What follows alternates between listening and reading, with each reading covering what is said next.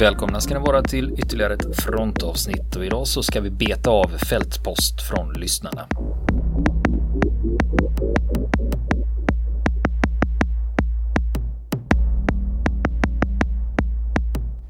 Så har vi fått eh, fältpost i fronten och det är från Måns. Eh, Han eh, skriver att han vill först och främst tacka för en väldigt intressant och bra podcast. Han är själv intresserad av historia, men mest kring operationer under andra världskriget. Mm. Och det är ju inget ovanligt. Eh, Nej. Man, man brukar ju börja sin, ja, eh, sitt, eh, sin bana. Missbruk där. Man börjar, brukar börja, Ja, börja, brukar börja så. ja, precis. Ja, börja med Saving Private Ryan Ja, och sen sitter man där. Ja, precis. Nu blev det Barbarossa och Stalingrad och sen var man Ja. var det kört. Ja, Just det. Till slut sitter man med tyska Die Brücke från 1959. Ja.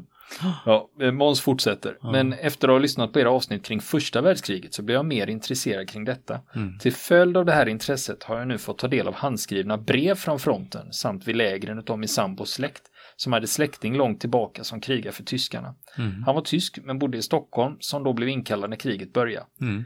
Har bilder, födelsebevis och det mesta gällande honom samt en dödsattest då han gick bort på grund av en svår granatskada. Han dog den 12 september 1916 på ett fältsjukhus i Longuyon. Han skriver ett brev från fronten 27 augusti 1916 och beklagar sig över kriget, att det är ren människoslakt. Undrar bara om ni som är så kunniga inom historia kanske vet om det är något stort slag som ägt rum kring Longuyon. Och han skriver aldrig vart han är vid fronten, utan endast västfronten. Kanske står det något brev men är skrivet på tyska så översättningen kan vara sådär. Mm. Konstig fråga kanske, men tänkte man kunde kolla snabbt om man hade koll på något slag kring det området. Klart vi kan kolla, men... ehm, Inte på sittande. är- nej, inte på sittande. Men ehm, där kan vi väl, l- låt oss få återkomma Mm. om det. Och eh, är det så att det på brevet, det var lite ovanligare under första världskriget med det, då skrev man ofta i klartext. Men har du något eh, ledtråd där till vad för slags regemente han eh, tillhörde? Mm. Det, Så skulle med. det underlätta. det står här. Det gör det. Ja, Vad bra. med. Han tillhörde tredje kompaniet och första enskilda bataljonen i infanteriregemente 42. Tack, då har vi det. Är 42, halva men det- jobbet, halva Ja, jobbet halva jobbet är gjort. Sen är det frågan om vil- vilket land Ja. infanteriregementet tillhörde, för det fanns nämligen ingen enad tysk armé vid den här tiden. Mm. Utan, utan eh, den tyska armén bestod av flera arméer, och nämligen den preussiska och den bayerska och den württembergska Mm. Ja. och sånt. Men det finns en geografisk Mm. angivelse här också. Mm. Eh, han skrev eh, om att slaget eh, det ägde rum nära Longuyon Mm. Om något slag ägde rum där runt omkring. Ser nu att Verdun inte är för långt ifrån. Men jag kan Mm. ändå inte slå fast. Nej, Exakt. men då ska vi titta på det. Då har Men- vi ett förbands eh, Då har, vi, har, vi har en tidsangivelse och Ja. vi har ett förband och vi Och en har en platsangivelse. geografisk plats. Ja, Då, då har vi- du i alla fall tre då, har vi, då har vi ett mycket gott utgångsläge för att fastställa vad det, vad det eventuellt kan ha rört sig om. Mm. Vi skickar ett bokkontrakt. Så, Ja. nej. Nej, vi börjar inte den änden.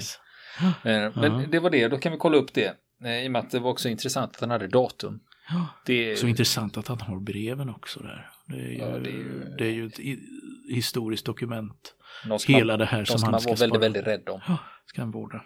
Precis.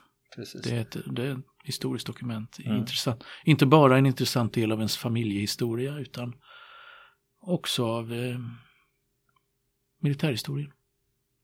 Ja, ja, alltså Ja. det är just det att när du börjar, du, det är ofta så det börjar, att du börjar med Mm. enkla fakta, Mm. namn, datum, platser och sen bygger du på det så får Mm. du få kött på benen. Oer, oerhört mycket av det här nämligen brukar försvinna vid arvsskiften och när personer dör och så vidare. Och det, det slängs eller förstörs eller kommer på avvägar eller, eller eh, splittras upp sådana här kvarlåtenskap och hamnar hos olika samlare. Något brev här och något brev där, något dokument där och så vidare och annat går förlorat. Så att eh, håll hårt i de där papperna. Och det är ju samma sak, det kan jag också tillägga, just det gäller fotografier, Mm. är ju en sån sak som har extremt högt affektionsvärde Mm. för den det berör, Ja, men totalt värdelöst för andra. exakt. För om du tittar på ett, om, om- man får ett Mm. valfritt fotoalbum i näven från Mm. totalt någon familj man inte har någon koppling till. Ja. Bilderna betyder ingenting för dig och du Nej. vet ingenting om sammanhanget. Nej. Du förstår om inte någon har skrivit Precis. anteckningar kring det, men annars det. är det bara Mm. eh, det är värdelöst. Men på den militära samlarmarknaden så säljs, det finns alltså en eh, samlare som samlar på just foton och hela album från person, avlidna personer. Och eh, ett av argumenten är just om det innehåller mycket som det står teknik. Finns det stridsvagnar och flygplan och eh, ofta i situationer kan det vara vrak av fiendestridsvagnar och sånt. Ja, då kan det bli stora höga priser på det där på auktionssajter och så vidare också. Så det finns också när det gäller just den militära delen av, av det. Så brukar det försvinna ut på samlarmarknaden många gånger. Mm. Sånt. Ja. Måns fortsätter där. Han skriver så här, sen har det varit spännande att höra om ett avsnitt gällande El Alamein och slaget vid Kursk. Ja, Och det är ju sådana här stora avgörande. jajamän. Eh, som skulle vara mål. Sen säger han också, Mm. sen finns också Operation Judgment, kanske inte så stor men lite spännande. Mm. Den har jag aldrig talat om. Jag känner igen den, har något med Nordafrika att göra men jag kan återkomma om det. Ja, kolla upp detaljer. Mm. Sen fortsätter Måns har mera. Han säger så här. Ja. Vad sa du? Att? Nej, jag, jag bara Du tänkte bara högt. tänkte ja. högt ja. Mm. Sen säger han så här. Sen finns det en väldigt spännande berättelse gällande Yang Kyung-Yong som var från Korea. Han Mm. tvångsrekryterades in i japanska armén. Sen tillfångatogs han av röda armén och blev tvångsinkallad där. Och sen blev han tillfångatagen av tyskan och blev tvångsinkallad till Wehrmacht Mm. för att hjälpa till att försvara under D-dagen. Det finns en spelfilm Just det. om den, hans öde. Heter det inte Mitt krig? My det War? tror jag den gör. Jag tror att det var den. Och ja. det är ju, det är ju så att Sydkorea Mm. har, ju, har ju kommit fram som en duktig producent av krigsfilmer. Ja, Och de är helt bra. otippat faktiskt. Ja. ja, ja jajamän, Men- det är väldigt hög kvalitet på dem. Ja, det lustiga Men, var att för, för första gången jag fick upp eh, ögonen för överlag Mm. för sydkoreansk eh, filmindustri, det hade inte med krigsfilm att göra utan jag fick en DVD i present Mm. från Sydkorea och tänkte varför ger någon mig en sydkoreansk film överhuvudtaget? Mm. Men jag vill bara titta på den så insåg jag att men det här är ju inte dåligt. Va? Nej. Men och sen började jag ju då titta efter krigsfilmer Mm. och de har ju producerat en hel del bra grejer. Va? Just det, precis. Det kom ju en om två bröder för några år sedan. Jag kommer inte Ja. ihåg vad den heter. Brotherhood of Ja, War. Brotherhood of War, så heter Ja. den. Sen är det ju så här, de har, alla, alla Mm. de här har ju koreanska titlar men Mm. jag orkar inte. Va? Nej, nej vi, inte. vi går på de engelska titlarna. Vet, Mm. det Och, och, och, och det var ju efter att ha sett eh, de här koreanska eh, sydkoreanska filmerna då. och en nordkoreansk. Jag- Mm. Vi lyckades faktiskt vaska Mm. fram en nordkoreansk film som ligger på YouTube, Just. Order 27. Fantastiskt. Eh, Och, eh, men, eh, Mm. men efter att ha sett de här sydkoreanska så fick jag ett tips på Mm. en amerikansk sajt. Det var en som tipsade om den sydkoreanska tv-serien Comrades. Mhm. Och det skulle vara en sydkoreansk Band of Brothers. Där man får Jaha. följa ett eh, sydkoreanskt förband under Mm. Koreakriget. Mm. Eh, Och det är alltså 20 avsnitt och de är en timma styck. Wow. Så att eh, det var ju ganska drygt. Mm. Så det har jag ägnat sommaren åt och beta av den. Den, den finns under två namn då. Dels är det. Comrades och sen är det Legend of the Patriots kallas Jaha. den också. Okej. Och, och eh, det, det, nu är det så här att för att en tv-serie ska hålla i 20 timmar, nu är det så här att Ja. det blir lite väl mycket tv-drama emellanåt. Mm. Jag- vill ju ha lite mera hardcore action. Ja. Det finns det och det är välgjort. Va? Men eh, så det blir lite väl mycket kärlek och lullull emellanåt. Eh, Mm.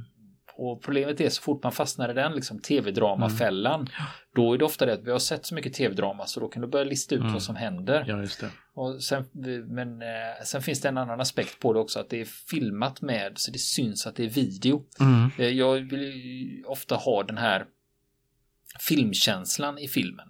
Mm. Det, det ser lite väl billigt ut när det blir det. video av det. Och det var en sån sak som den amerikanska gangsterfilmen Public Enemy drabbades av. Just När man det. då skulle byta, man skulle filma med digitala kameror Mm. istället för att filma med vanlig fotografisk film. Just det.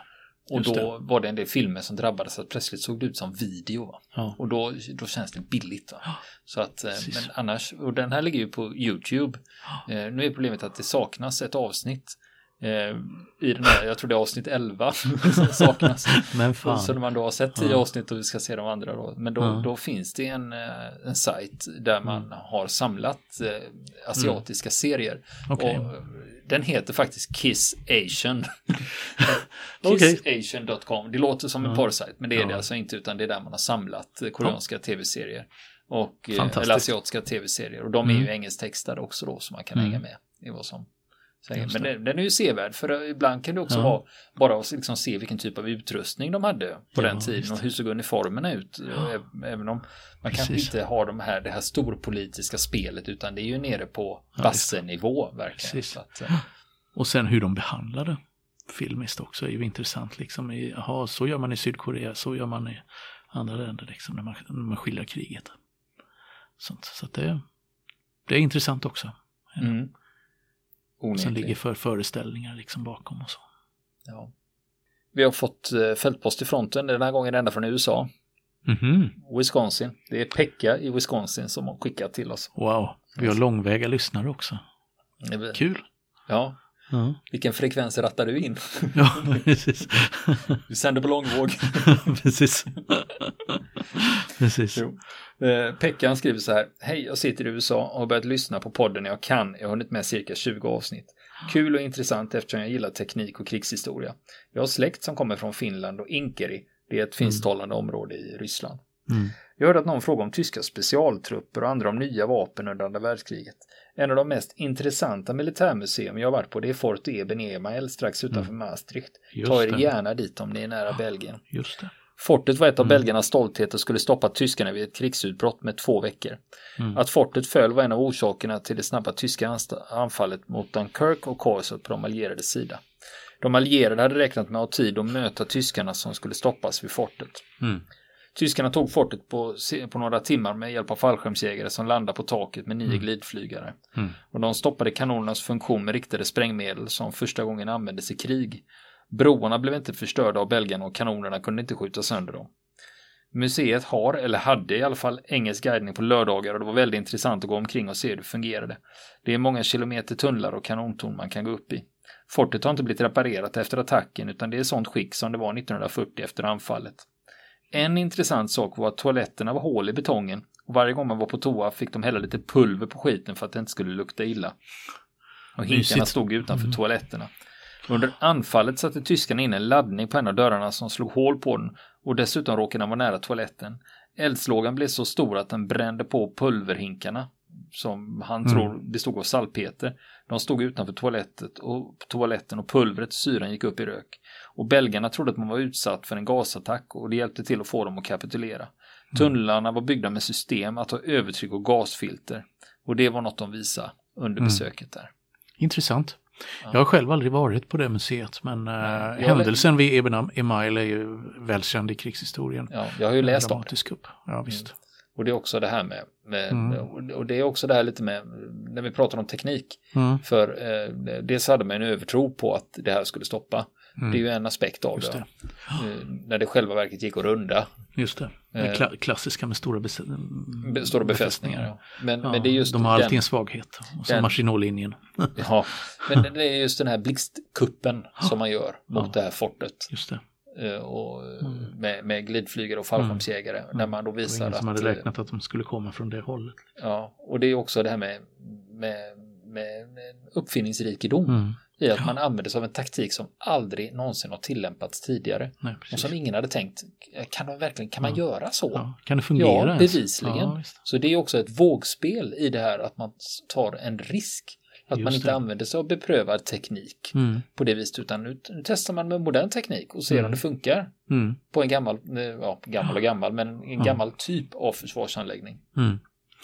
De eh, frontenresenärer som eh, åker runt i Tyskland så om man passerar Tangermünde, det ligger mitt i Tyskland ungefär, då ska man passa på att kasta ett öga på flygbasen som ligger där för att det var där som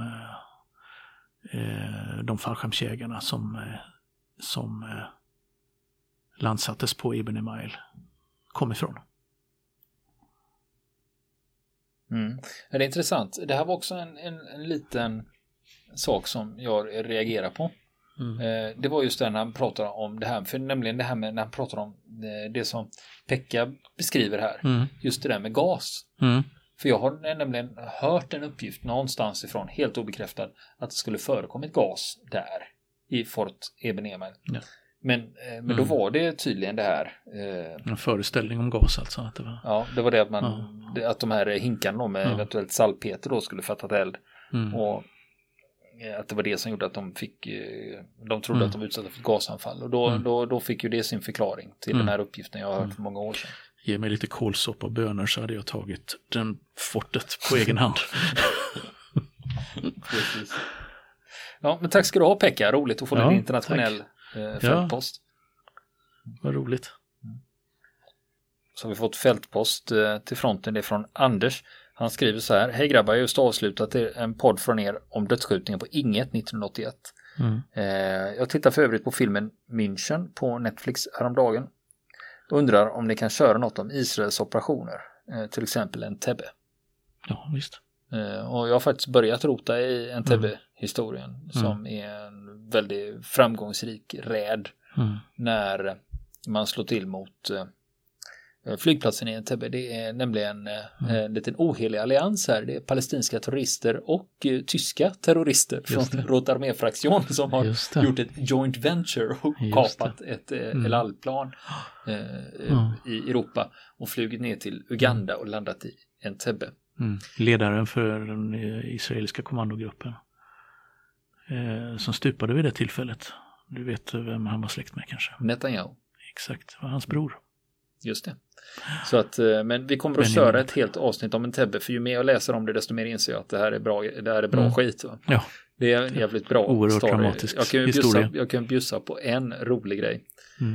Eh, det är när Idi Amin, Mm. i, i, i diktatorn i Uganda, kommer ja. ut och träffar gisslan och då är det en av gisslan som ska fråga honom och säger, kallar honom för Mr President. Mm. Och då säger han, min korrekta titel är Ers excellens fältmarskalk, högvälborne, doktor Idi Amin. Så det är liksom Ja.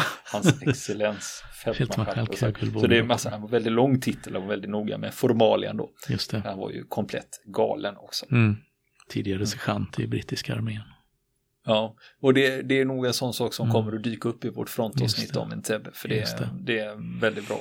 Mm. Kompakt Det historia. ser vi själva Och jag- fram emot också. Ja, och jag kan ju säga så här det gäller Entebbe, att eh, det är också, det finns flera filmer Mm. som handlar om den här operationen. Och det verkar som det ska komma fler.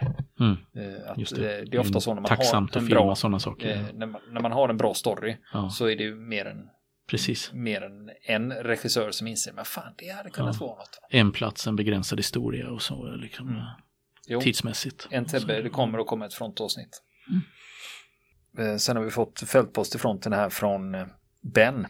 Han skriver så här. Han tänkte bara fråga om ni kan göra ett avsnitt eller flera om slaget vid Dnepr som ju var ett av de största slagen i världshistorien. Men konstigt nog så har jag inte hört så mycket om det i tv eller i historieböcker. Fyra miljoner soldater och en 1400 kilometer lång front. Det är nästan svårt att förstå. Mm. Jag antar att han pratar om slaget vid Dnepr 1941. Det var Finns också det ett fler? slag vid 1943. Ja. Så var det också eh, strider vid, eh, vid Dnepr. Mm. Men jag antar att det är 41 han pratar om. Ja, Eller Där det var 41, fyra 42. miljoner soldater Mm. insyltade. Just det. Eh, det är intressant historia. det. Finns också en nyutkommen bok om det som beskrivs som det största, eh, historiens största pansarslag och det är inte Kursk utan slaget vid Dubno. Eh, under operation Barbarossa. Och eh, det ska jag också återkomma till. Det är ett helt bortglömt kan man säga, eller ett, inte bekraft, förbigånget slag kan man säga. Som inte har, knappt har fått, fått ett eget namn för det kallas många olika saker i böckerna. Där det var en oerhörd massa pansarfordon inblandade. Mest ryska då som blev skrot. Mm. Mm. Ja, men eh, det kanske är något eh, vi kan köra ett frontavsnitt om. Ja, absolut. Absolut. Ja, men då, skulle, då gör vi en notering på det. Ja, Men det är så här att Ben han är inte helt eh, färdig här. nej. Utan han säger så här. Mm. Eh, sen skulle jag också vilja rätta Niklas Mm. lite om Skoda. Jag håller inte med om att de bygger risiga bilar. utan, utan, menar, utan menar istället Ja, att de bygger bilar med bra kvalitet och till ett bra pris. Men det är bara bilnörden i mig som kommer att tänka på det här. För jag har själv en Skoda. Det, var, Ja. det var ju så här i Ja. avsnitt om batteriet i Markov. Just det. Då nämner du att Ja, kanonerna så var det. tillverkade av Skoda. Ja, Eh, och, och, det, eh, och de hade i alla fall bra kvalitet. Liksom. Ja, och, och då sa du att de Ja. inte bara kända för att bygga risiga bilar. Så att det just det. det. Just det. Jag, jag antar att jag skulle få hela, hela landets skolägare på Men, med. men du kan ju säga, du kan ju faktiskt komma, du kan ju faktiskt ducka den här frågan. Du hade kunnat ducka den helt och hållet genom Ja. att säga att det var inte alls Skoda som byggde dem utan det var Hermann Göring-verke. Ja, just det. Kanonerna alltså. Ja, Ja, ja precis. För det var ju så att eh, när, eh, när eh, tyskarna tog över, Mm. eh, eh, Skodaverken. Ja. så döptes Ingick i de, den så koncernen. ingick de i den koncernen då, Hermann Göring-verke då. Precis. Och det var väl precis. Görings brorsa som basade för den. Mm, Albert Göring, han var en av, en av toppcheferna. Inte högsta hönset, men Mm. en av toppcheferna. Där var. Ja. Just det, just Ja. det. Jag var och tittade på en av eh, de kanonerna som Mm. byggdes där. Det står ju en nere på Djuramossa på. Beredskapsmuseet i Skåne. Exakt. Där är det en av få sådana Mm. Skoda-kanoner Mm, som, som finns kvar. just det. Just det. Ja. Jag får, eh, jag får be om ursäkt om jag eh, har, sårat någons känslor med mina kommentarer om, om eh, kvaliteten på Skodas bilar, men jag kommer inte ta tillbaka det. För jag tycker verkligen det. Nu är det ju så här Ja. att vi, vi brukar ju för det mesta hålla oss till fakta. Det är Ja. väldigt sällan vi blandar in åsikter utan Nej, vi precis. bara berätta. Mm. Vi, vi stämplar det här som en åsikt. Ja. Mm. Och det är samma sak, vi har fått, dessutom fått mothugg på en annan sak. Mm. Och det är när det gäller MIG-21, världens Just det. vackraste flygplan. Ja, just det. Och Just det. Så det, det har en del gått Och igång det, på det det. har en del, och man har fått andra Ja. förslag då från Ja. F, eh, amerikanska Ja. F-15. Och, Ja, och andra har varit väldigt måttligt imponerade med min omdömesförmåga där har jag förstått. ja, men det är, Ja, också, det, är, det också subjektivt och det är ju en åsikt. Ja, precis. Eh, Jag, jag föredrar ju, Ja, jag gillar ju det draken, min- 35 Ja, då. Och, Precis. Men, eh, ja, Mm. nej, så det är, det är väldigt olika där vad man tycker är världens vackraste. Ja, precis. eh, jetflygplan. Så det det är lite att sticka ut hakan och säga en sak, man ber ju Ja. om det. Va? Ja, ja, då får man smällar. Får man. Det ingår. Att, eh, Gör det. det är ju helt subjektivt. Mm. Här har vi fått eh, fältpost i fronten och det är från Fredrik. Han skriver så här. Har en fråga om ni möjligtvis skulle kunna rota fram information om hur det gick till när afroamerikaner fick gå med i amerikanska armén, marinen och även flygvapnet. Tror det skulle vara en intressant vinkel på krig både under inbördeskriget och andra världskriget. De Mm. slåss ju inte enbart mot fienden utan även mot motsättningar och rasism i de egna leden. Första världskriget tror jag nog aldrig jag har hört att de fick chansen att vara med och slåss och visa vad de gick för. Men säkerligen fick de nog även vara med där också. Och när jag är inne och snurrar på ämnet skulle det vara kul att kanske få reda på mer om 442 regementet i amerikanska armén under andra världskriget. Det bestod av amerikans, amerikajapaner som gjorde otroliga insatser i både Italien och Ardennerna.